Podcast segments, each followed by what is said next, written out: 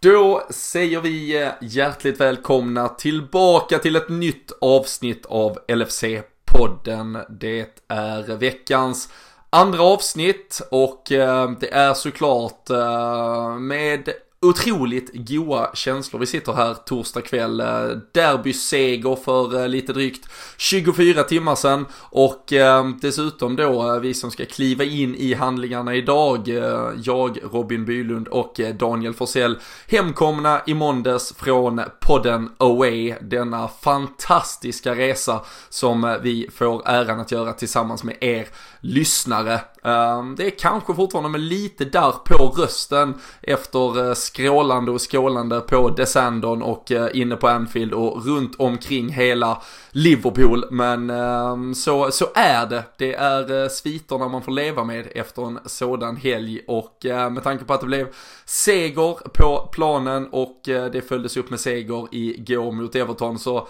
kan man ju inte klaga ändå. Men eh, vi ska väl eh, summera lite av eh, det vi var med om i helgen. Vi ska såklart prata om den galna matchen på Anfield igår. Och så ska vi snacka upp matchen mot Bournemouth till helgen. Det är ju matcher som står som spön i backen och eh, det gäller att hänga med i svängarna. Vi gör i vanlig ordning avsnittet tillsammans med LFC.nu uh, eh, i dessa bråda tider. Det är ju också bara några veckor innan ett transferfönster öppnar igen och sådär så är det ju gött att ha en, eh, ja men liksom sådär, en vän att hålla i handen och där funkar ju LFC.nu kanonbra. Det uppdateras frekvent med alla nyheter man behöver och man håller sig helt enkelt ajour på vad som händer kring klubben. Men eh, nu så eh, sätter vi oss till rätta, kör igång ännu ett avsnitt och eh, ja men ni får väl bara luta er tillbaka och njuta.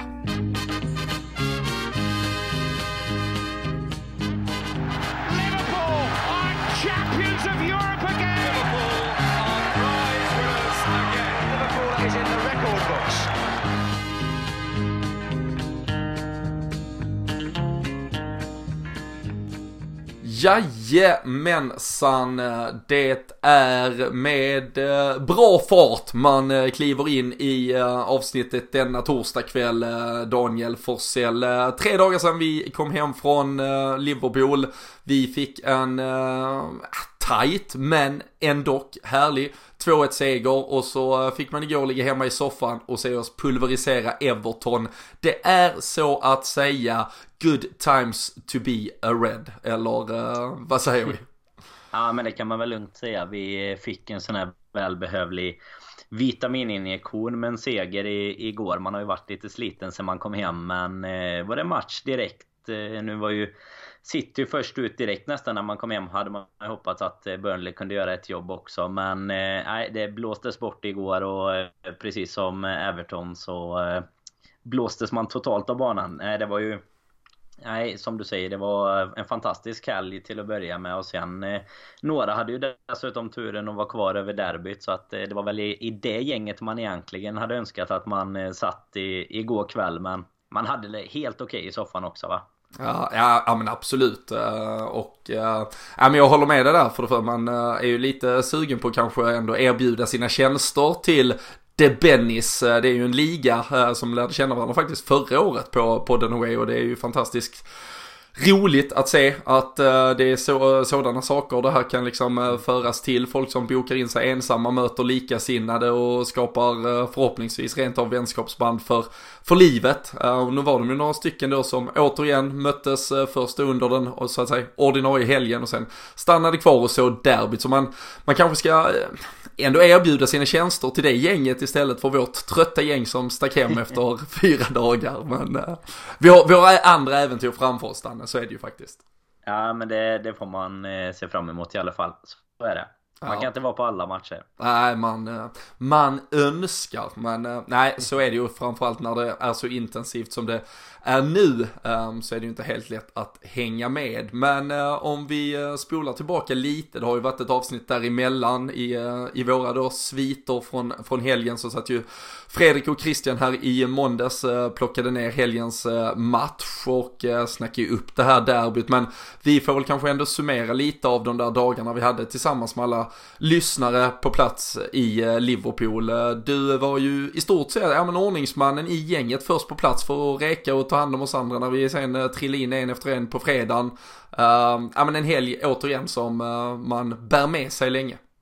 Ja, verkligen. Nu, nu är det ju andra gången här så nu kan man väl säga att det i vanlig ordning var en succé egentligen. Vi, som du säger, vi kom ju dit tidigt på, på fredagen redan och satte oss på Nils där i centrala Liverpool och liksom flöt på några hela tiden. Det kom ju eh, en duo ifrån Malta till exempel som flög in via Birmingham upp till Liverpool. De kom in där efter några timmar och man var rätt eh, god i, i gasen faktiskt när ni eh, kom klockan, eh, vad var det, 6-7 någonting mm. där på fredagskvällen. Och det blev ju, eh, och då hade vi uppsamling på kvällen sen. Det blev ju en skittrevlig kväll också i, i vanlig ordning där på McCoolis och och vidare sen egentligen och sen, eh, nej men lite lagom eh, vad ska man säga? Att vi hade, jag tycker vi har det lite lagom uppstyrt med tanke på som, som vi nämnde inför du och jag där inför att vi åkte att eh, det var ganska många kändes det som som var på Anfield för första gången och gick Stadium Tour och sådär. Och, och då finns det liksom tid att göra det. Sen lite uppsamling inför matchen såklart på Sandon och lite gemensam middag på, på söndagen och sådär. Och så givetvis allt däremellan vad, vad man kan tänka sig att staden har att erbjuda. Så inte någon som sa det rakt ut till mig i alla fall att de inte hade haft en bra helg. Utan det kändes som att eh, hela gänget var, eh, nej men tyckte ungefär som du och jag sitter här och säger och precis som de som var nya och de som eh, gjorde det för andra gången då. Det var ju faktiskt till och med ett par som har bokat in sig på villaresan i påsk där. Så, um, som redan såg fram emot. Jag delar taxi med, med Niklas Dalin där bland annat som eh, vi kan outa här som eh, en av de som faktiskt gör, eh, gör en tredje där på Det blir hattrick mot Villa ja precis. Det blir hat Precis, det blir hattrick där och han eh, såg redan fram emot det faktiskt när vi, vi delade taxin till Manchester. Det är ju inte, den, det, är inte det roligaste man gör på hela helgen när man sätter sig liksom till flygplatsen och så dessutom till, till den flygplatsen av alla då. Så, eh, så det kan vi hoppa över det snacket. Men eh, nej, vad är dina starkaste intryck från, från podden Away? Nej men det är ju alltså som du säger nu eh, när vi gör det eh, andra gången så att säga och, det var ju liksom eh, på, på samma sätt som det såklart är fantastiskt att se massa nya ansikten så var det jävligt häftigt att se att det var väldigt många som var med förra året som tyckte det var så pass roligt så att de ville vara med igen. Det bådar förhoppningsvis gott för att vi då med de nya ansiktena som dök upp här nu har väldigt många. Vi har ju som sagt Aston Villa-turen som redan är fullbokad och, och därmed så kommer kommer vi ha säkert ännu ett gäng därifrån som då till nästa år vill med. Så eh, förhoppningsvis så, så sprider det sig eh, ut i stugorna och väldigt många som eh, vill haka på detta. Eh, det är ju en chans, det är ju blandat. Vissa som åker eh, ja, men med sambun kanske eller att man åker med polaren eller så åker man själv och så eh, synkar man ju samman med, med oss andra och så är det som världens egentligen mest självklara sak. Ehm, det finns ju egentligen inget med att eh, ja, men eh, det är vi gör detta och ni gör det utan eh, vill man så hakar man på. Vill man däremot inte, ja men då kan man absolut smita iväg själv och hitta på något och det är ju tid till att se eh, staden, eh, shoppa och göra annat kul också. Eh, men såklart med fotbollen i, i fokus och eh, äh, det var ju en succéhelg åter igen och uh, vi, uh, vi var ju faktiskt dessutom lite kulturellt uh, duktiga denna gången Danne, för vi tog ju oss äntligen upp till katedralen och uh, spenderade lördag morgonen lite kvickt där. du bad en stilla bön för att Steve, Steve, Steve och Steve i Newcastle-ledningen skulle lösa poäng, kanske minst i alla fall mot Manchester City och det är ju inte, ja, är du frälst nu? Ja men nu får man ju gå dit varje gång. Nu är man ju fast liksom. Det, jag bad ju inget från John Joselvi dock men eh, han var ju redan gud så jag vet inte fasen. Det behövde man kanske inte. Sen, jag tycker man kan lägga till som du var inne på där också att det var det, denna gången mot vad jag tyckte förra gången så var ju även en del både så, alltså ja, antingen om det var farsan som tog med sig sonen eller om det var tvärtom. Men det kan man också lägga till för de som, om det nu är någon som har varit lite osäker så är, är vi ju även väldigt spritt i, i åldersspann liksom. Så mm. att, eh, nej, grymt, eh, grymt bra uppslutning och eh, kanske som du säger läge att eh, bli lite frälst här nu. För eh, nej, det blev ju, alla resultat gick ju våran väg egentligen. Och som sagt, det gjorde ju inte det när man kom hem sen så att eh, låg kanske något i det där katedralbesöket Jag vet inte, jag har räknat ihop att det var nog runt 20 gången jag var i staden i alla fall. Så det, det var väl eh, dags. Du har väl varit där ännu fler utan att, att pricka ja. insidan av katedralen. Man har ju sett den utifrån i alla fall. Ja, ja det, det ska mycket till för att man inte ska lyckas se den eh, åtminstone på, på distans. Men eh, nej, nu fick den bockas av. Själv bad jag en stilla bön för att uh, Fabinhos ankel ska läkas så snabbt som möjligt. Så vi, vi får väl se om jag också blir bönhörd framåt uh, jul kanske. Det är ju miraklens tid så det vore väl väldigt passande. Men uh, nej men som du han säger. Inte, han, han, var väl på tal om, om, om vem det är som eh, den här herren där uppe nu lyssnar på. Han var väl inte med i VM-truppen där som kom igår va? Fabinho, både Fabinho och Matip tror jag var, var ur den så det känns ju som att det ligger en, en liten bit bort i alla fall den där comebacken. Ja men precis, uh, truppen till klubblaget. I morse var det, tiden går så jävla snabbt i Borås Danne, men du, du är uh, först på bollen. Du, du fick den säkert uh, redan igår. Jag fick igår. den nog igår ja. Ja självklart, men den, uh, den återkommer vi till, vi ska trilla ner i, i den också. Det var ju lite spännande där med hur de har tagit ut ungdomarna och hur det kommer se ut där inför Aston Villa-matchen som kolliderar med hela det där Qatar-äventyret. Men, nej men bara för att summera så en fantastisk helg återigen i Liverpool och jag ville också understryka där som du sa det här med att det är verkligen alla typer. Så man behöver inte känna att det är, ja men det är säkert typiskt bara ett grabbgäng eh, 25-30 år som åker och har exakt samma intressen. Utan det är verkligen alla typer av eh, människor och det, det gör det faktiskt än mer fantastiskt. Så uh, vill ni med framöver så uh, sitt inte där hemma och uh, tänk för mycket utan det är bara att anmäla sig och hänga på.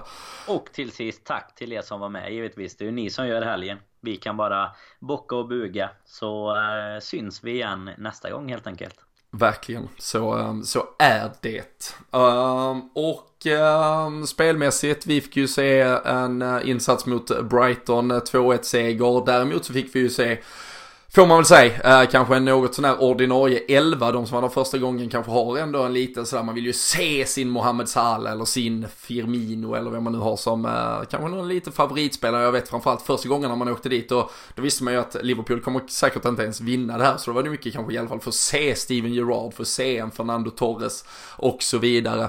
Men eh, de som stannade för att se Everton-matchen eller de som åkte in bara för att göra det, de fick kanske inte se ett lika namnkunnigt lag eh, om än att alla numera är superstjärnor. Men det var stor rotation Danne och eh, många förvånade eh, säkert ansiktsuttryck framför eh, Twitterflöden världen över när man tog emot nyheten om den där startelvan igår.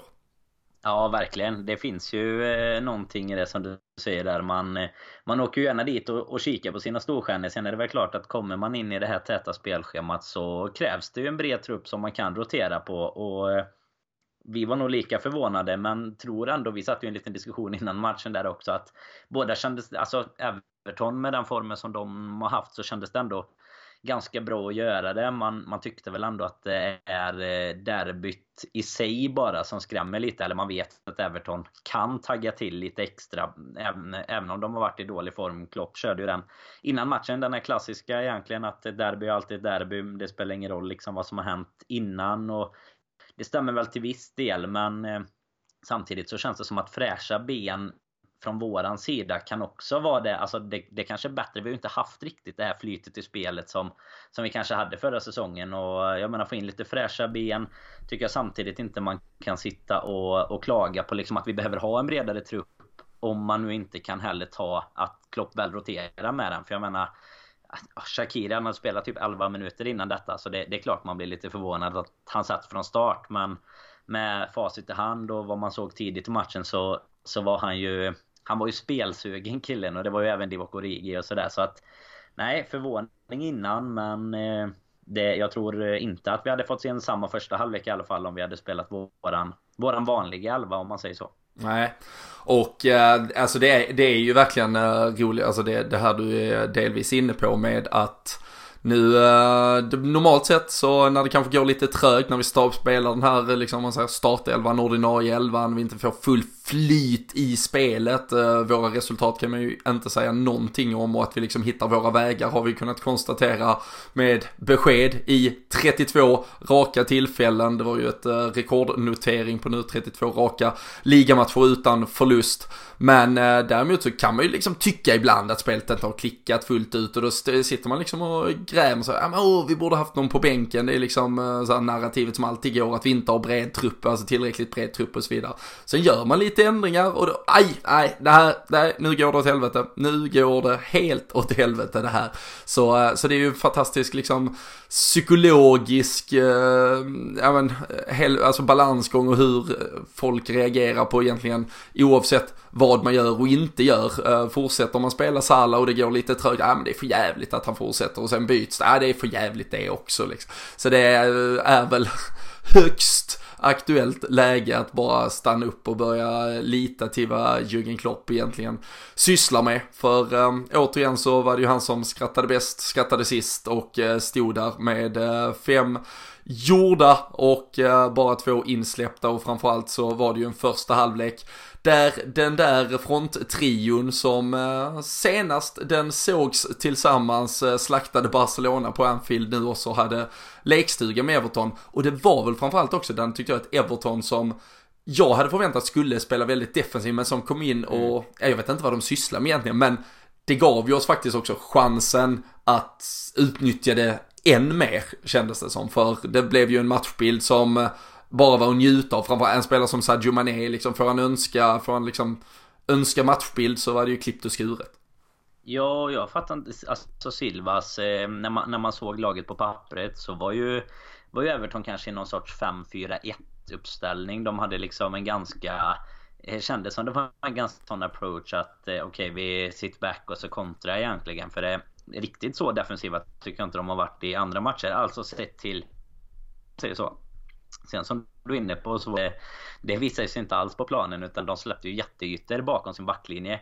Och eh, ja, nu för tiden räcker det att sätta Divock Origi mot Everton så, så är det ju klart helt enkelt. Det var väl fjärde, var det fjärde raka tror jag va, som han eh, gjorde mål på Anfield i alla fall i, i derby. Så att, ja, han har eh, nej, fem, han, under Klopps ledning så har han gjort eh, fem av våra 15 mål som vi har gjort mot Everton. Sadio Mané har stått för tre så tillsammans är det ju, ja, de har gjort mer än hälften av målen så de är ju Everton-dödarna och eh, nu när vi sitter här och spelar in så kan vi faktiskt också konstatera att Marco Silva faktiskt har fått sparken i detta nuet. Så uh, den kommer på uppstuds, men uh, kan vi ju såklart inte bara gå uh, helt förbi.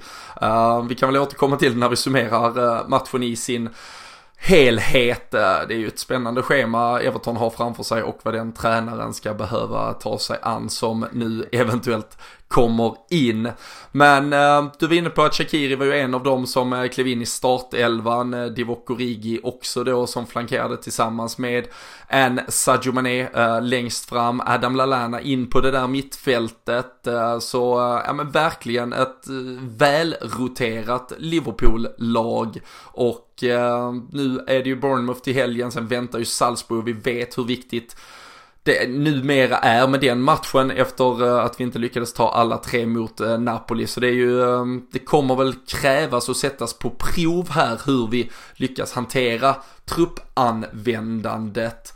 Men ehm, sett, alltså jag tänkte väl mig kanske att Liverpool med den här startelvan ändå skulle få chansen mot, som du var inne på, ett väldigt defensivt Everton att ändå, ja men vi ska nog kunna hålla det. Jag, jag hade känslan att även om jag hade spelat vårt så att säga bästa lag, eh, enligt vad ett papper säger i alla fall, så hade det här mycket väl kunnat stå 0-0 efter 60 minuter och då hade man kanske känt, fan vad har vi nu släng in? Även om det såklart hade blivit Divock Origi så hade han gjort två mål, det vet man ju att det är liksom skrivet mm. i stjärnorna.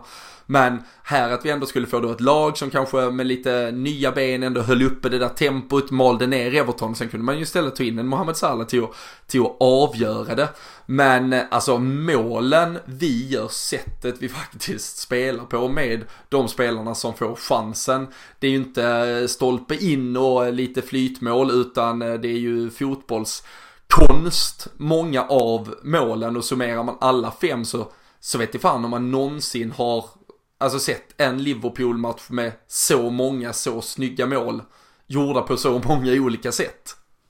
Nej men så är det ju, jag håller med dig och framförallt är det ju ur matchbilden om man tar ut det är ju första halvleken är ju en sån, eh, alltså det är ju en av de mest underhållande halvlekarna man, man någonsin har sett egentligen. Det är väl eh, Barcelona-matchen som, som kan komma upp och, och liksom konkurrera i eh, det färskaste närminnet såklart då. Men, nej ja, men bara fram och tillbaka. Alltså inte...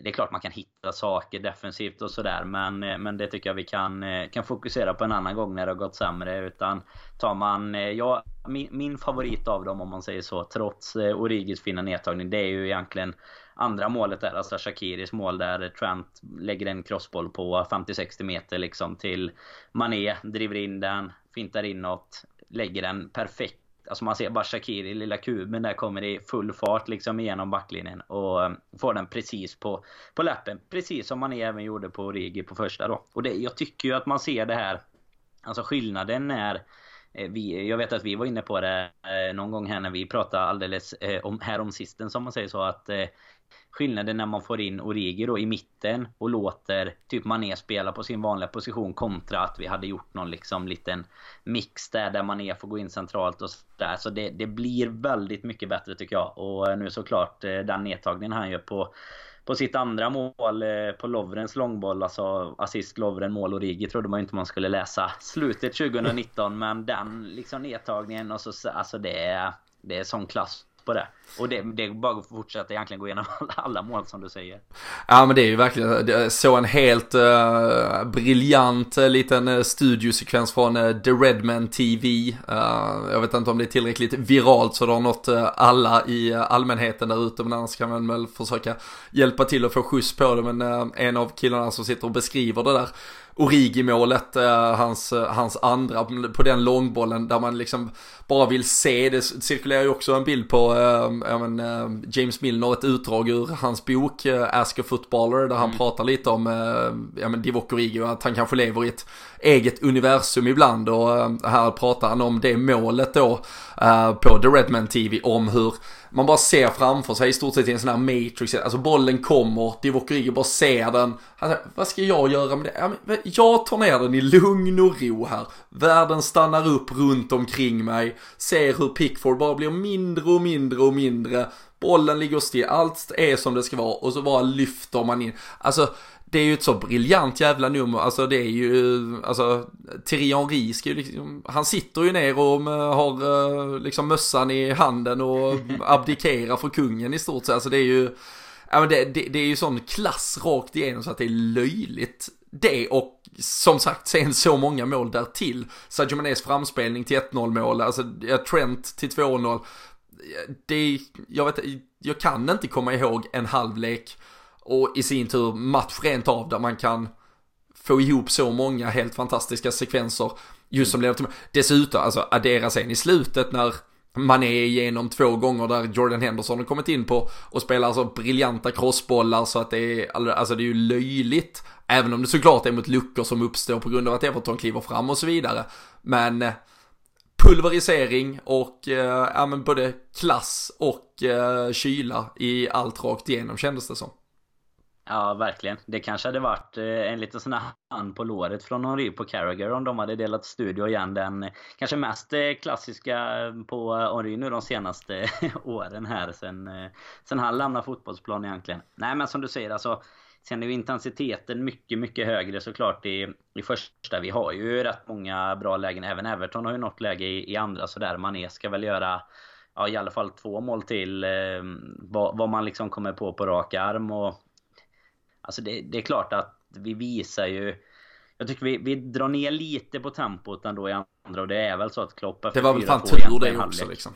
Ja, ja men precis och jag tror att Klopp har sagt det liksom att nu, nu får vi liksom sluta. Alltså för det var verkligen, det var ju ett pressspel också egentligen lite, alltså från Evertons sida med som vi sa, de stod ganska högt och jag tror att Klopp ville lugna ner det lite för det, det hade ju faktiskt kunnat, hade fortsatt på samma sätt så är det ju så här ja, några felstudsar och sådär. Och så, så är det 4-3 och då, ligger, då är det ändå tillräckligt nära liksom för att de ska få vittring. Även om man egentligen aldrig kände att, att det var särskilt nära. Och det var ju samma med både när de gör sitt första och andra mål så är de ju ändå en bit ifrån om man säger så. Och framförallt första är väl ett väldigt eh, tilltrasslad situation som verkligen kommer ur ingenting egentligen när den studsar fram till Keen där. Men eh, nej, vilken, eh, vilket derby egentligen. Det, Eidefors och Krille rankade ju sina, sina derbyn där topp 5 och detta slår nog faktiskt ut någon på den listan trots eh, då våra, våra bra resultat som vi haft innan också. Men yeah. eh, nej.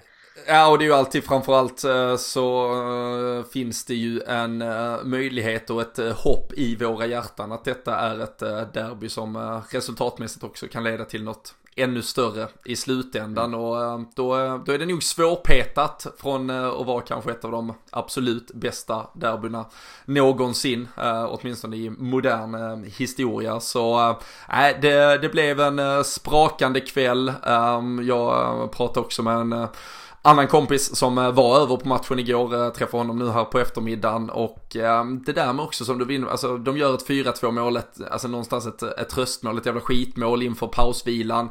Jag tror man blir lite mer nervös när man sitter hemma och säger, alltså då börjar man räkna på att ja men det är ju två, men gör de bara ett och sen blir det ett till. Men han sa det på plats kändes det alltså det, det händer inte, alltså vi, alltså vi kör över dem och jag tror ofta känslan på läktaren är ofta väldigt mycket mer Alltså den, den speglar mycket mer hur faktiskt spelet ser ut på planen och hur mm. känslan är liksom i stort sett från spelare och alltså stämning och fans och ja men de där, vem vinner den där bollen, vem ligger lite bättre i position och så vidare. Så äh, även om vi såklart swappar om och liksom lägger oss in lite defensiva, mer kontrollerad approach från andra halvlek. Jag trodde eventuellt att en Jordan Henderson skulle komma in direkt, nu kommer in lite senare men det är klart att vi anpassar oss men eh, jag tror inte att det var något eh, större vi behövde liksom vara rädda för det utan eh, det var ett Liverpool som faktiskt hade bra koll på det. Sen så är det ju klart att Everton kommer skapa, alltså alla lag som släpper sin defensiv på det sättet som de gjorde kommer ju och ska alltid alltså hitta någon chans till att kasta in en boll, alltså en slumpboll i straffområdet för det, det måste ju ändå vara det du ska kunna få ut av att offra dig så totalt defensivt. Men eh, det har ju varit en mer vinnande approach antagligen genom tiden att inte göra så mot Liverpool i alla fall och faktiskt eh, fokusera lite på försvarsspelet. Så jag tycker, eh, är, man liksom bitter över ett eller två insläppta mål när ett lag går all out attack eller liksom så här lite, eh, ja men hela havet stormar som Everton stundtals spelade, då, då, då tycker jag man är lite snett på det. För det, det kan absolut hända att man släpper in mål när man möter det motståndet. Men vi såg, och vi såg det i slutändan, att Liverpool är så pass bra så att alla som försöker på det sättet kommer vi straffa big time och eh, det gjorde vi och eh, kunde ha gjort med ännu mer. Så eh, det var egentligen bara att dunka ner spikarna i den där likkistan där Marcus Silva redan låg paketerad kändes det som och som sagt samtidigt som vi spelar in detta så har han nu fått foten och hoppas man på David Moyes då tillbaka den till Merseyside. ja det hade väl varit en, en show i sig. Han har väl inte haft så det, han kanske hade behövt det mer än Everton i alla fall, hans track record. Sen han lämnade Everton har inte varit särskilt bra. Han gjorde ju faktiskt ett eh, okej okay jobb med, med den klubben. I alla fall sett till var de ligger nu. De petades ju ner under strecket faktiskt eh, redan innan tror jag. Det var väl Southampton som tog ledningen där och redan innan matchen lyckades peta ner dem eh, under strecket då. Så en 18 plats för dem nu. Men eh, Moise väl välkommen tillbaka. Som du var inne på innan så tror jag oavsett vem det blir eh, utan att bli långrandig kring Everton så eh, får de eh, ett härligt uppvaknande i alla fall med typ tre, tre matcher nu på rad där de möter topp fyra eller någonting sånt där ju. Men de kan ju i och för sig bli så att de, de kör en interim fram till allt det där är klart istället. Ja, de, de, har väl någon så här, eh, jag menar, någon man offrar nu helt enkelt som eh, liksom någon eh, juniortränare som får gå in och ta tre matcher och förlora med 4-0, 4-0, 4-0 och så kan väl någon ny manager komma på plats eh, framåt, eh, framåt jul, nyår eh, istället. Men äh, vi får väl se, vi får avvakta och se. Men som du nämner, de är ju alltså nere på nedflyttningsplats. Var står du på ändå den där skalan mellan att ja men jag vill ändå ha med Everton och kämpa lite i toppen eller de ska vara i kassa men ändå vara kvar eller hade det varit ganska kul om de åkte ur rent av?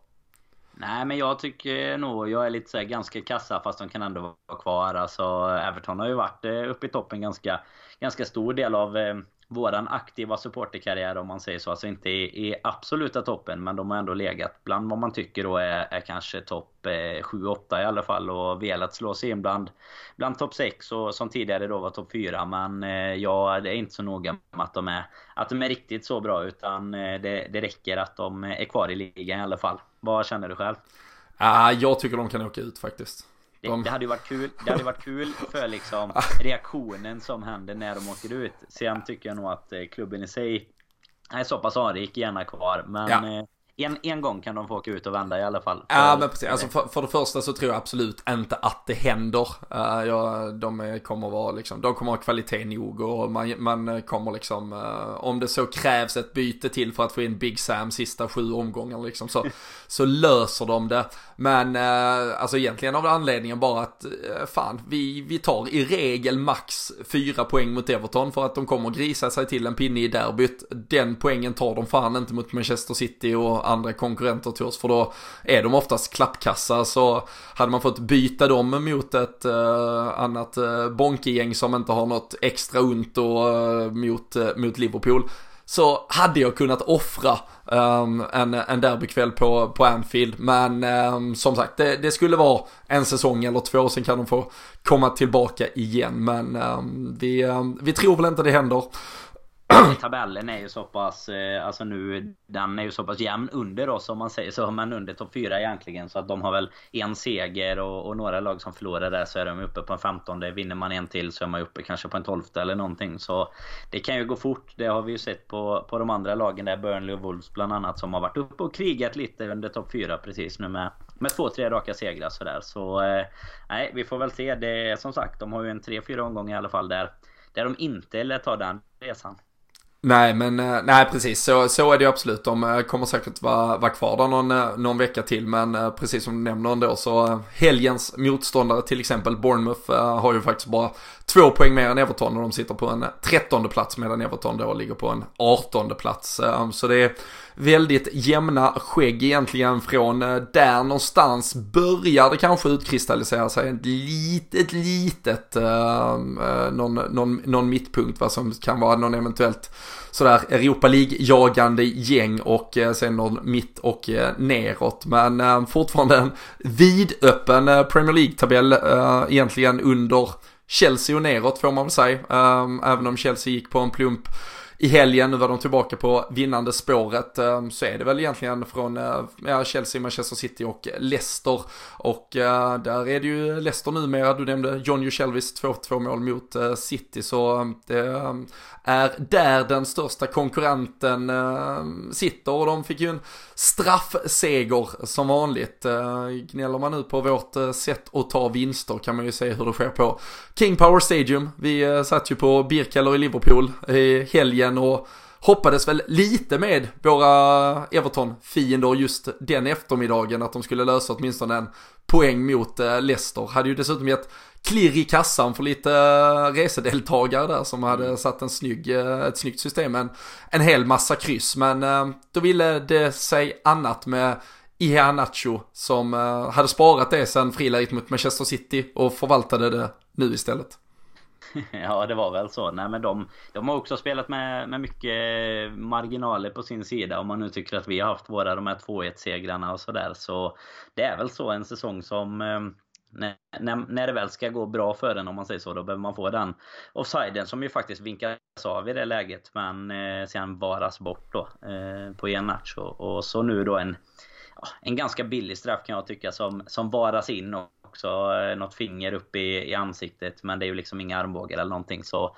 Nej, nu... Eh, jag vet inte, vad känner du? Är du liksom... Eh, är det, är det gött att det är Leicester kontra City? Eller känner du liksom att, ah, fan, Leicester de är, de är heta? Eller vad tror du att de kommer orka hela, ja, hela säsongen? Nu har vi lite mer än hälften kvar ju.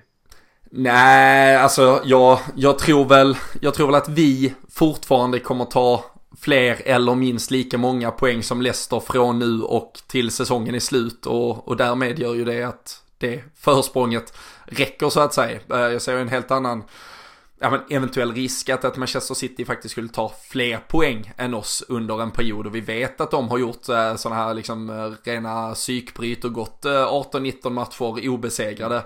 Um, sen ska man ju däremot veta att de behöver ju nu gå 23 matcher obesegrade för att nå 31, alltså om de ska gå, de går rent resten av hela säsongen för att nå 101 poäng, uh, vilket är deras egen rekordnotering. Och uh, är Liverpool bara lika bra mot respektive motståndare framöver här i sina resterande 23 matcher som man var förra året. Det vill säga att man bara likställer resultaten rakt av. Då kommer Liverpool faktiskt få 103 poäng. Och eh, det inkluderar ju faktiskt något poängtapp här och där. Och eh, vi har ju tidigare också pratat om att Liverpool på de här första 15 nu redan har avverkat i stort sett. Ja, det som då får anses vara de kanske 15 bästa lagen. Vi har ju på pappret enklare matcher kvar än vad Manchester City har. De har ju derbyt till helgen bland annat. Eh, och sen ska de ju också möta Leicester till exempel innan eh, säsongen vänder. Vi får ju eh, faktiskt en jäkligt, på så sätt tycker jag det är ganska skönt. Vi har ju Leicester redan på Boxing Day. Boxing Day är speciell på väldigt många sätt och vis. och jag tror att där kan vi ju så länge vi inte förlorar den matchen i alla fall. Ehm, då har vi liksom dessutom fått eh, vår andra match mot Leicester spelad eh, redan innan året vänder. Och eh, då, då ska det ju otroligt mycket till för att de ska blanda sig i detta på, på längre sikt. Men man ska aldrig säga aldrig och räkna bort någon. Det har hänt för många gånger förr. Men hade man fått ta det här läget på förhand så kan vi väl enas om att man hade tagit det efter 15 omgångar. Ja, verkligen. Det är väl eh, det man återkommer till här i, i stort sett efter varje seger vi har. Att det är klart att vi, vi inte kan klaga eh, egentligen någonting på 8 poängs försprång. Det är väl de andra lagen som ligger under oss där med Leicester City och eh, nu, ja, nu säger jag Chelsea. Leicester City, Leicester, Manchester City och eh, Chelsea. Ja. Det är väl de som ligger i en mer normalt bra säsong egentligen. Alltså att man ligger runt eh, ja, men mellan 29 och 32 som de har där ungefär. Så eh, det, det, hade väl varit en i stort sett godkänd säsong om vi bara hade haft en ledning med, med liksom någon pinne extra där. Så nej, absolut. Vi fortsätter ånga på egentligen och, och, det finns ju inget som du säger här som tyder på att det skulle bli kanske någon ändring på det innan serien vänder i alla fall. För nu är det väl ja, någorlunda på pappret då som, som vanligt men enklare motstånd som vi ska möta i alla fall. Sen eh, vet vi att vi har haft lika svårt med dem som, som är bra motstånd. Kanske till och med svårare. Så att, eh, men eh, nej, ser man det så så är vi mycket bättre läge än vad både Leicester och Manchester City har. Mm. Nej, absolut. Och äh, du, du, nämner där vad gäller normalläge så var det ganska kul. Jag såg i helgen när United äh, bara fick ett kryss mot äh, Aston Villa. Då hade de ju alltså 18 poäng efter 14 omgångar. Ehm, Liverpool under Roy Hodgson efter 14 omgångar. Det vill säga det som kanske anses vara den absolut värsta perioden i Liverpools moderna historia samma siffror, 18 poäng på 14 omgångar och då var man faktiskt bara, bara 9 poäng efter ledande Chelsea då. Då hade alltså ledande laget uh, bara 20 7 poäng blir det.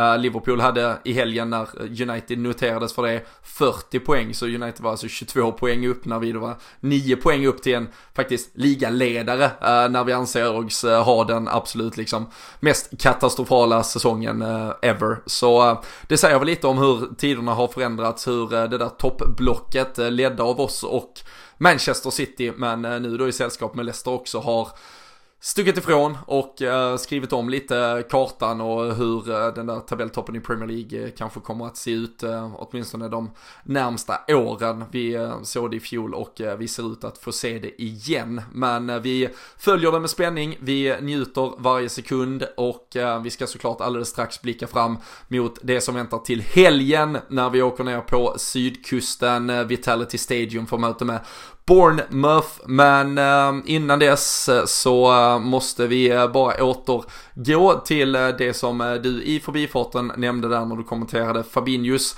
skada och eventuella ja, då, dag för att återkomma till en eventuell trupp. För precis som du nämnde så är han inte uttagen i Liverpool-truppen som ska åka till Qatar på klubblags VM.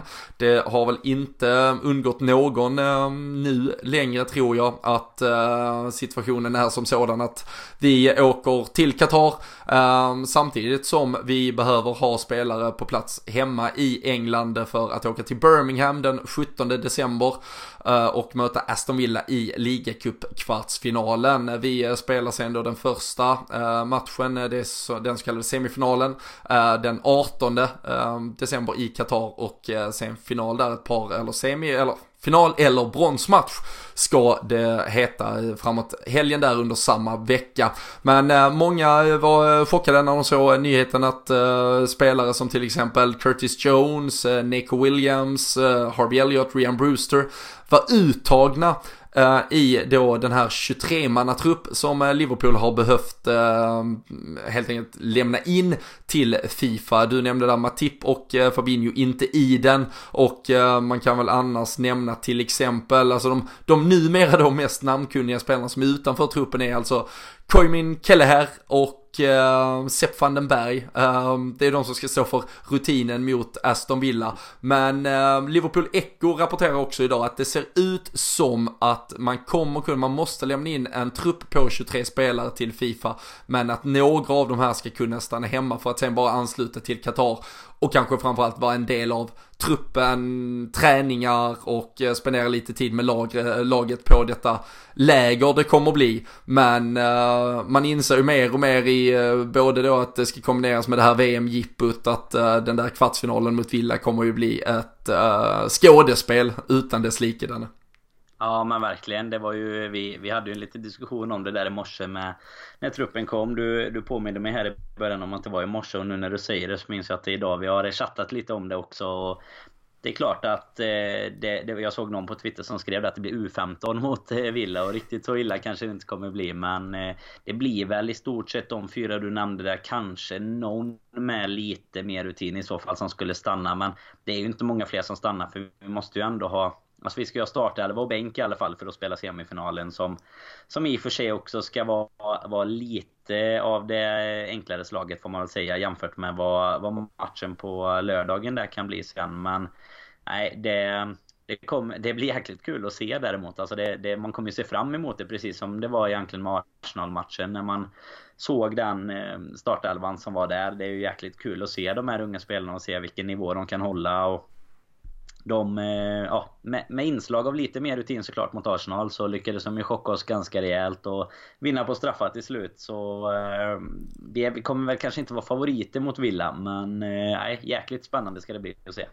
Ja, nej, verkligen. Och, eh, och sen är det ju lite också för många, det var väl, det var väl också din, din tanke förstår jag, och många som delar den med att ja, men vissa kan ju spela och så kan man åka dit sen så att säga. Men, men då är det också lite så här, de spelarna som eventuellt ska stanna för att spela mot Aston Villa, skulle man eventuellt spela dem i Qatar så är det ju just semifinalen kanske man hade velat spela dem i. Eh, det är ju inte så att vi spelar vårt ordinarie lag i semifinalen för att sen flyga in Rian Brewster och Nico Williams till att spela finalen mot ett Flamengo kanske eh, på Education Stadium i, eh, i Qatar utan där vill man väl kanske då spela någorlunda bästa möjliga lag och Ehm, jag tror väl snarare det handlar om att de här spelarna flygs i så fall kors och tvärs för att i alla fall vara med och få lite, ja men ett sånt här solbreak-läger som, eh, som Klopp normalt sett uppskattar att göra och försöker eh, ta med sig spelarna på. Ehm, vi har sett eh, det åkas till Dubai och Marbella tidigare och ehm, här eh, passar han väl på att ge spelarna lite ehm, en chans att rehabilitera sig och eh, återhämta kroppen i, ehm, i kanske lite bättre väder. Även om vi gör det bra i helgen i Liverpool Danne så räknar vi väl med att Qatar kanske bjuder på några grader ehm, till.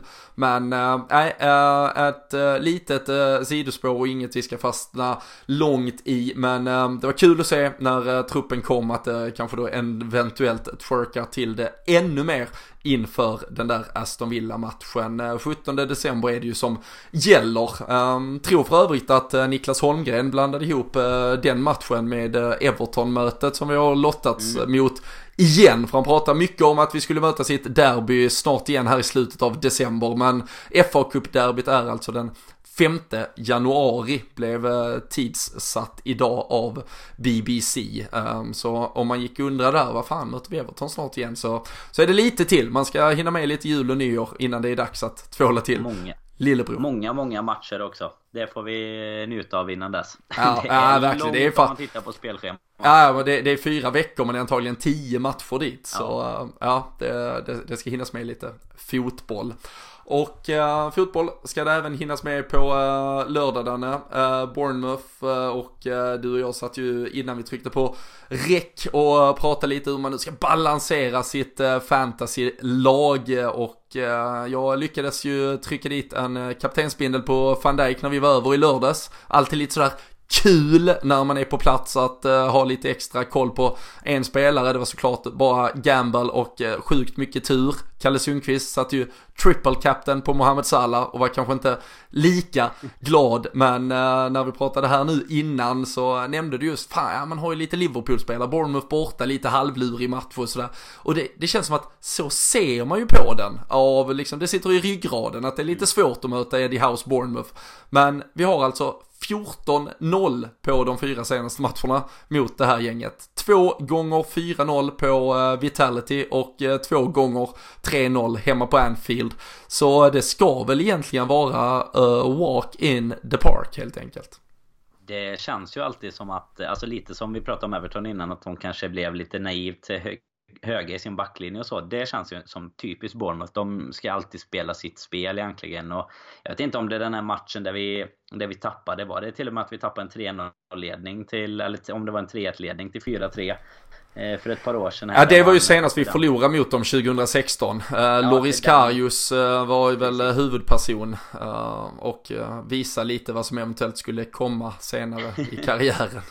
Ja, men det är liksom den som ligger kvar och spökar på något sätt. Att man, att man har något mot Bournemouth. För som du säger, 2016 senaste förlusten. Vi har ja, idel egentligen segrar de fyra senaste där. Och nej, alltså Bournemouth har inte sett bra ut nu heller. De har förlorat fyra raka i ligan. Och jag kikade upp innan de har en vinst på de nio senaste. Och jag menar, vi har inte spelat så jäkla mycket mer än nio matcher egentligen. De, de tog några segrar där i början vilket gör att de ändå ligger eh, ja, hyggligt till då i tabellen eh, i mitten där. Men som sagt bara två poäng före Everton som ligger på nedflyttningsplats. Så det, eh, allt pekar väl för att eh, min eh, kaptenspaning som jag satte på Mané igår den kanske får eh, sitta kvar. Men några nollor det håller vi fasen inte. Det har jag ju fått erfara med mina backar där. Så att nej, det, det känns väl ändå som att jag tycker inte att vi ska behöva vara alltför oroliga även om man man som sagt nästan alltid är det mot just det House Bournemouth. Men det tycker jag nästan att man är på alla bortamatcher i Premier League. Jag vet mm. inte, det finns liksom någon sån här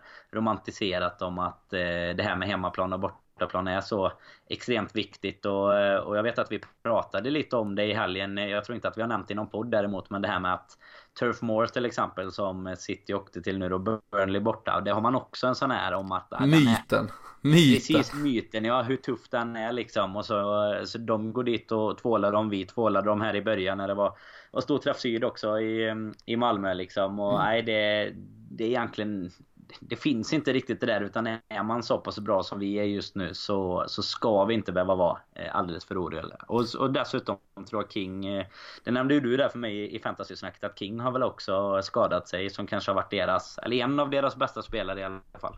Ja precis, eh, Joshua King, norrmannen, har dragit en baksida. Som jag har förstått det så, så missar han även helgens match. Minst, inte mer detaljkoll än än så. Uh, och sen är ju kanske deras största problem att deras bästa spelare, han uh, tillhör ju Liverpool faktiskt. Så han får inte vara med på lördag. Harry Wilson, Nej. sex mål, uh, två förra veckan mot Tottenham bland annat.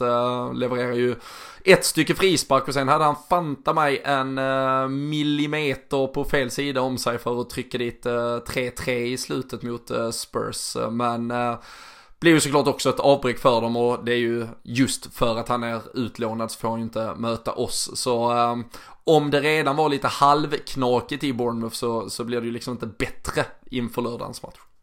Nej, sen kommer de ju dessutom nu då från senaste matchen förutom Spurs, den var ju samtidigt när, den omgången när vi var där och sen nu spelade de mot eh, Pallas borta. Förlorade med 1-0 trots att de eh, spelade med en man med. Det var ju Mamadou Sakho. gamla hjälte. Precis, våran hjälte som blev utvisad efter 19-20 minuter eller någonting. Eh, och då ska man ju kunna lösa något bättre än en 1-0 förlust. Så att de kommer ju med en, en miserabel form får man ju faktiskt lov att kalla det. När de måste vara en av de absolut sämsta formerna i, i ligan. Så allt talar väl för att vi ska eh, kunna göra något. Sen vet jag inte vad är din känsla att eh, som man är nu som fick spela igår Finns det en risk att han vilas eh, In med Firmino och Salah igen Eller vad, vad tror du om laget där?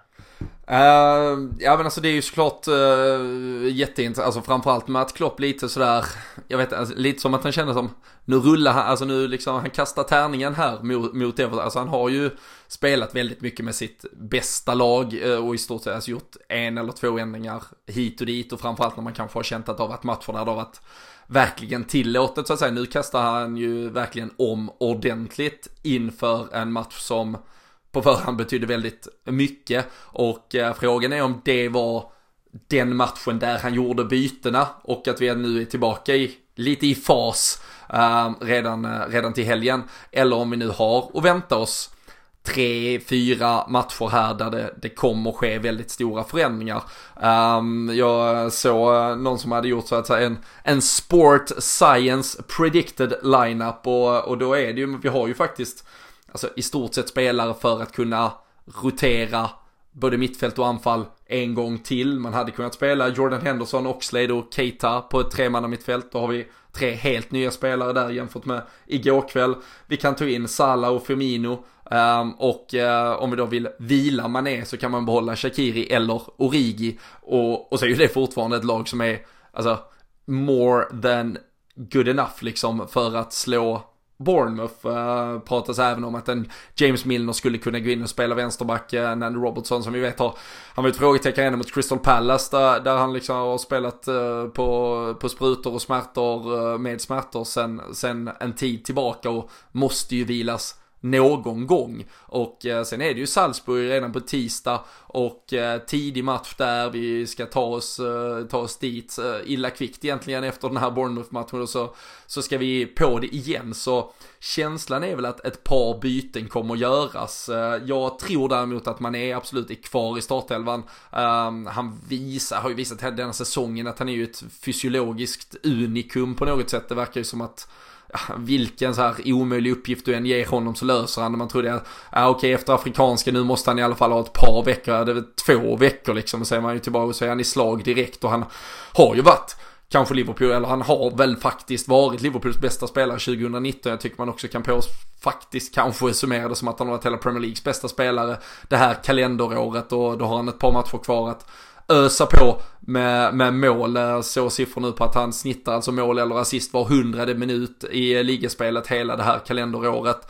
Och eh, i tillägg till det eh, skapat ett par straffar åt oss eh, dessutom. Vilket han kunde ha gjort mot Everton också men det var han att stå upp. Eh, men eh, får man väl inte prata om i det här jävla landet. Om hur domare inte blåser när man står upp. Men så äh, jag tror väl att äh, Salah, Firmino och Mané är tillbaka i äh, tremannaanfallet. Äh, däremot så tror jag att det är mycket möjligt att det där Sport Science mittfältet som skulle ge lite mening med Henderson, Keita och Oxlade skulle kunna vara aktuellt. Framförallt om han vill vila Robertson och trycka ner Milner. Annars kan det mycket väl bli Milner, Henderson och Oxlade på mittfältet. För det, det är ju just nu väldigt svårt att veta var han ser Naby Keita i uh, den här Liverpool-truppen. I stort sett alla mittfältare har nu fått chansen för honom och uh, ja, det, det, det, är svårt med dina egna tankar.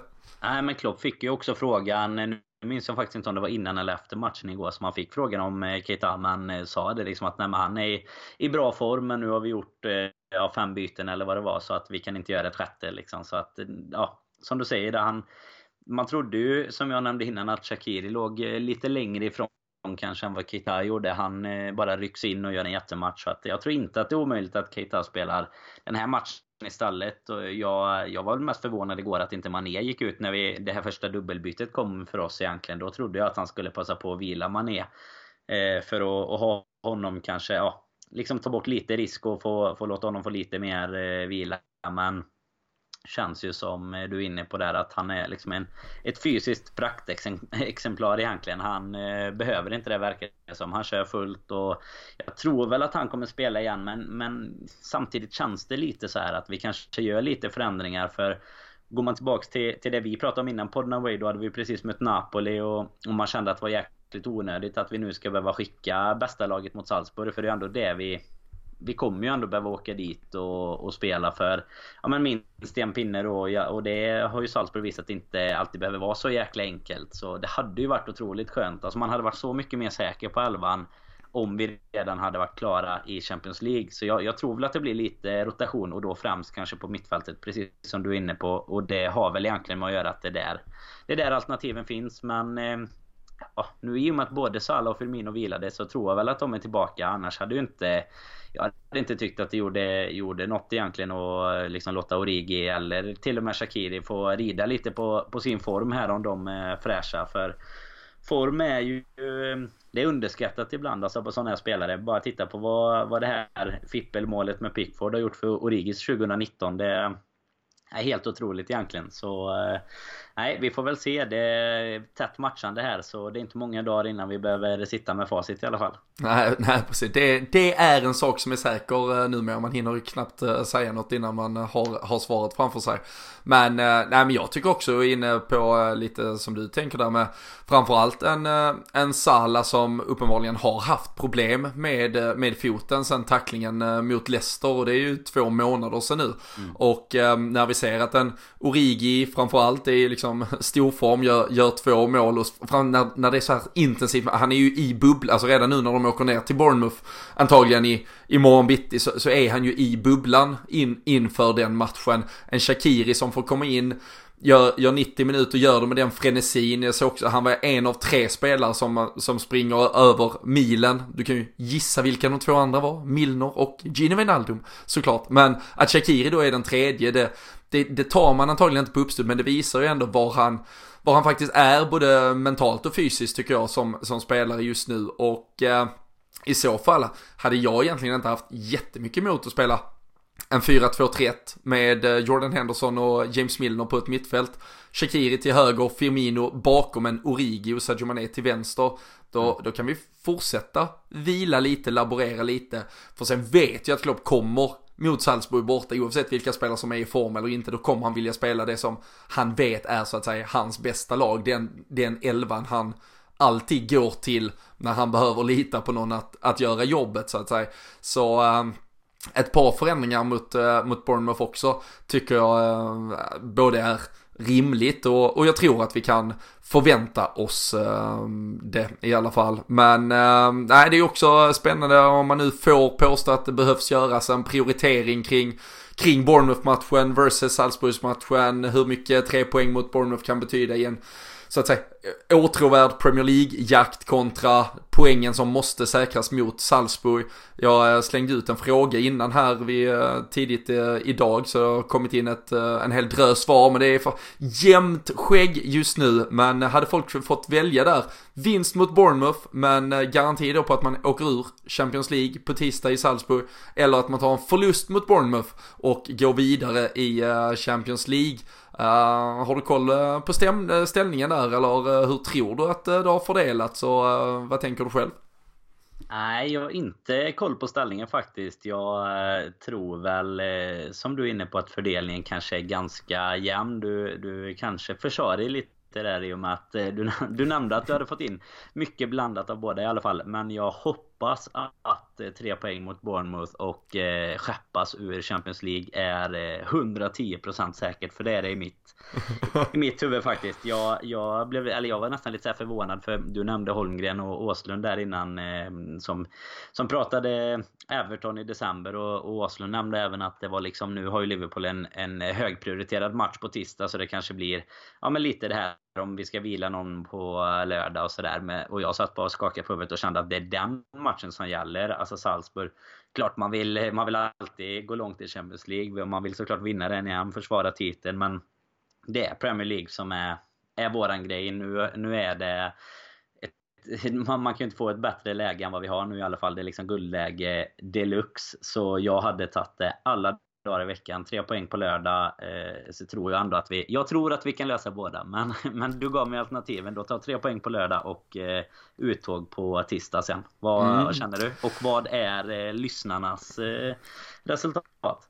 Nej men uh, du och jag kanske hade kunnat i alla fall hjäl hjälpa till här då om vi, uh, om vi hade lagt våra röster. för vi, vi står tyvärr i minoritet. 48% tycker som oss. Vinst Bournemouth åker ur CL. kontra då 52% som hade kunnat ta en förlust på lördag. Bara för att gå... Ändå. Ja, det är otroligt eh, jämnt som sagt och eh, det finns väl absolut inget eh, rätt eller fel och eh, framförallt så har väl både vi tron och hoppet och allting på att vi ska lösa både och. Eh, men eh, när det blir så extremt att eh, man måste måste välja där så eh, är äh, att, eh, att ryka på en eh, torsk på lördag det, det hade ju varit extremt jobbigt med allt vad Champions League innebär och med att vi ska försvara bucklan och allting så så hade jag kunnat leva en vår utan det. Uh, vi hade fått åka till uh, suspekta östeuropeiska städer och spela Europa League istället med Harvey Elliott och gänget. Men uh, Nej, uh, att, att vinna på, på lördag är, är prio ett. Uh, sen uh, må vara att det är prio två sen att vinna på tisdag. Jag tror vi klarar båda. Men uh, måste man välja så, så faller jag nog också in på, på det där fullt uh, Premier League-fokus-spåret i alla fall. Även om man såklart vill ha båda delar av kakan. Men kul att det är så jämnt och man får gärna ge sig in i diskussionen. Och tycker man att vi nu är helt uppåt väggarna så får man gärna in och slakta oss så uh, får vi väl försöka för, uh, försvara oss med näbbar och klor och um, ge, ge det en match. Det är ju ändå en rätt rolig debatt faktiskt kring just det när det är så jäkla jämnt. För frågan är om de som tänker det här med vidare i Champions League tänker att vad fasen vi har ju ändå 8 poäng ner till Leicester och 11 till City. Det är, liksom, det är lugnt att ta en, en förlust här nu. Man, man hade gärna, man hoppas på lite debatt där, för man hade gärna liksom velat komma innanför pannbenen på både de som tycker som, som du och jag verkar göra och även de som tycker det motsatta då. För jag har ju utöver liksom att man är livrädd för att vi inte ska bibehålla vår marginal i ligan så är det ju lite det här med att vi är obesegrade och hela den biten Exakt. också som, som man ändå vill bibehålla också. Även om det då skulle bli en, en enpoängare liksom så hade jag... det, jag, nu, jag ska inte säga att jag nästan hellre hade tagit en enpoängare på sydkusten än, än eh, gå vidare. Men eh, nej, det, det beror på vad som händer i Manchester-derbyt. Ja, ja precis. Tyvärr så vet vi ju det först eh, efteråt. Det är ju kvällsmatchen. Efter att vi återigen har eh, tv-sänts eh, klockan 16.00. Eh, tackar vi Viasat. Och det är ju på min födelsedag alltså. Det hade ju varit för jävligt ifall de hade valt bort oss nu där fjärde gången gilt. Men de då fortsätter. Då hade blivit argt på Twitter alltså. Ja, då, då, då, då hade det ju blivit ramaskri när jag hade skrivit till dem att hallå, det är min födelsedag nu. öste. och uh, sen jävlar i hoppet. Men nej, men uh, ni som uh, har tyckt det, ni är ju rätt många, 52% att ni känner att det är okej okay att förlora mot Bournemouth, bara vi går vidare i Champions League. gör er röst hörd, någon kan väl känna att de är fanbärare och ta, ta diskussionen så Får vi eh, fortsätta surret där? Eh, tycker ni att det är så lugnt att eh, vi i så fall hade kunnat kosta på oss att gå till fem respektive åtta poängs försprång mot City och Leicester? Trots att vi då har kvar att möta båda och det är ju väldigt många matcher som återstår. Ni har tron i övrigt helt enkelt på laget. Men det är samtidigt skönt att... Ja, men det känns ju även som att i andra änden liksom, det är ju inte många Liverpool-fans, tror inte jag i alla fall, som, som känner att Champions League är viktigt viktigare än Premier League. Om man bara ska liksom, om du hade lagt ut den frågan istället, liksom bara rent av vilken vill ni vinna? Då tror jag att vi hade haft ett... Eh, ja, då är det ju 90 procent. Ja, ja. Minst, det hoppas jag verkligen att det är minst är 90 procent. Så, så den, det måste ju finnas någonting i det där att man men det är tron på oss, helt enkelt. Ja, men det är väl så. Det går så pass bra att vi, att vi skulle kunna ha råd med det. För vi kommer ändå leda, leda ligan med minst fem poäng och så plus att vi, vi får gå vidare då. Men, men som sagt, för att liksom eh, konkludera hela den så ska vi väl kunna lösa både och. Det är ja. väl det är, väl det är tanken. när man sitter så här innan. Ja, Absolut. Precis. Men det är skönt att ha, vi sparar den till den eventuella plumpen som vi ryker på någon gång längre fram. Och så säger vi till alla, nej, ni har röstat, vi vet, vi kan förlora en match, vi löser den då. Vi är safe, helt enkelt. Men eh, nej, äh, så är det. Eh, och äh, skulle Liverpool vinna på lördag tycker jag vi också kan konstatera det är ju ett record breaking Reds som är på frammarsch. Nu har vi tagit 27 ligavinster eh, under kalenderåret 2019. Skulle vi vinna på lördag når vi upp på 28, då tangerar vi rekordet eh, som eh, är då 28 segrar från 1987 och eh, sen är det ju ett par, tre, fyra Premier League-matcher kvar att spela faktiskt innan året är slut. Så då kan vi ju dessutom passera eh, det där rekordet längre fram. Och eh, vi eh, passar väl också på att gratulera Jürgen Klopp till det rekordet. Han uppnådde igår kväll på Anfield när han eh, i sin 159 ligamatch som Liverpool-tränare tog sin 100 seger. Så snabbt har ingen tidigare Liverpool-manager tagit sig till 100 segrar. Eh, Kenny Dalglish på 167, Bob Paisley på 179, Rafa Benitez på 181. Därefter uh, Bill Shankly ytterligare några och, uh, nej men det, återigen, berättar det ju bara och målar upp bilden av vilken eh, jävla insats han har gjort och då ska vi komma ihåg att det var väldigt många matcher slaskade under den där första säsongen eftersom vi skulle spela, försöka vinna Europa League istället och vi behövde se oss eh, spela Kevin Stewart och skit hemma mot eh, Watford på ett soligt Anfield där det bara var en, en, en kaffe och bra sol som egentligen höll en vid liv till exempel. Det har varit höga dalar och vissa bottnar som har behövt passeras men eh, sen han egentligen har fått fart på sitt eget lag så är det alldeles löjligt enastående siffror han har och eh, alltså även med vissa plumpar inräknade så är han nu rekordbra eh, totalt sett. Så vi är stort tacksamma över att han eh, är hos oss och eh, vi tror väl som sagt att vi även löser en seger på lördag. Um, Orakel-vibbar uh, har det fan blåst snålt med senaste veckorna mm. tycker jag Danne. Du lovar saker till höger och vänster men det är väl dags att du faktiskt dunkar in ett tips som eh, man kan rygga och eh, vinna hem något göttigt från eh, Sam Dodds till helgen. Ja, mot Brighton vill jag ju säga att jag egentligen hade rätt. Alltså den frisparken. Som tur var satt ju inte vi där direkt efter matchen och, och pratade om hur hela bedömningen kring den situationen var. För vi hade ju vunnit med 3-0 om inte liksom Atkinson hade hållit på och förstöra där. Och nej, det, det funkade inte. Så, så den, den är egentligen klar då. Men derbyt satte jag inte. Men Bournemouth, vi håller ju inga nollor. Det har jag ju som sagt fått erfara på, på mitt fantasykonto. Eh, så jag får väl säga 1-3 på, på lördag. Känns, eh, lite, känns lite surt när man själv satt eh, med det nerplitat i, i bläck. Intatuerat eh, för att kunna bevisa det. Men ehm, då säger jag väl att vi eh, löser eh, nollan och eh, 3-0 och 4-0 har ju varit gångbart. men vi nöjer oss med 3-0 denna gången. Sadio Mané startar, han gör mål återigen, han eh, leder oss till nya poäng, nya segrar och eh, så eh, tuffar Liverpool-tåget på framåt. Och sen får man väl sitta och nypa en tumme för Ole G framåt lördagskvällen helt enkelt. Absolut, det gör man nu. Kommer med fin form här på Mourinho-seger inför derbyt där. Det var var fint att de fick lite medvind. Det är inte ofta man får sitta och hålla på på den sidan av Manchester tänkte jag säga, men oftast håller man inte på någon sida. Nej, det är jävligt. Ska vi göra jävligt tydligt så det inte blir några missförstånd här. Men eh, nej, på lördag så uh, hoppas vi att både Liverpool och Manchester är rött. Uh, och Leicester uh, ska vi ju aldrig glömma i den där mixen numera. De åker till Villa Park och möter Aston Villa i en bortamatch. Får vi hoppas att Tom Heaton spikar igen. Bra för mitt fantasylag om han lyckas med det för en gångs Han gjorde självmål i helgen ja, så, det, kan, du, det han, kan du behöva. Ja, ja, jag är en upp på honom nu helt enkelt. Men med de orden och med eh, väldigt eh, väl passerat eh, timmen här så tycker jag att vi stänger ner för idag. Vi är såklart tillbaka mellan Bournemouth inför Salzburg och sen så kommer det ju uh, tugga på i ett rasande tempo.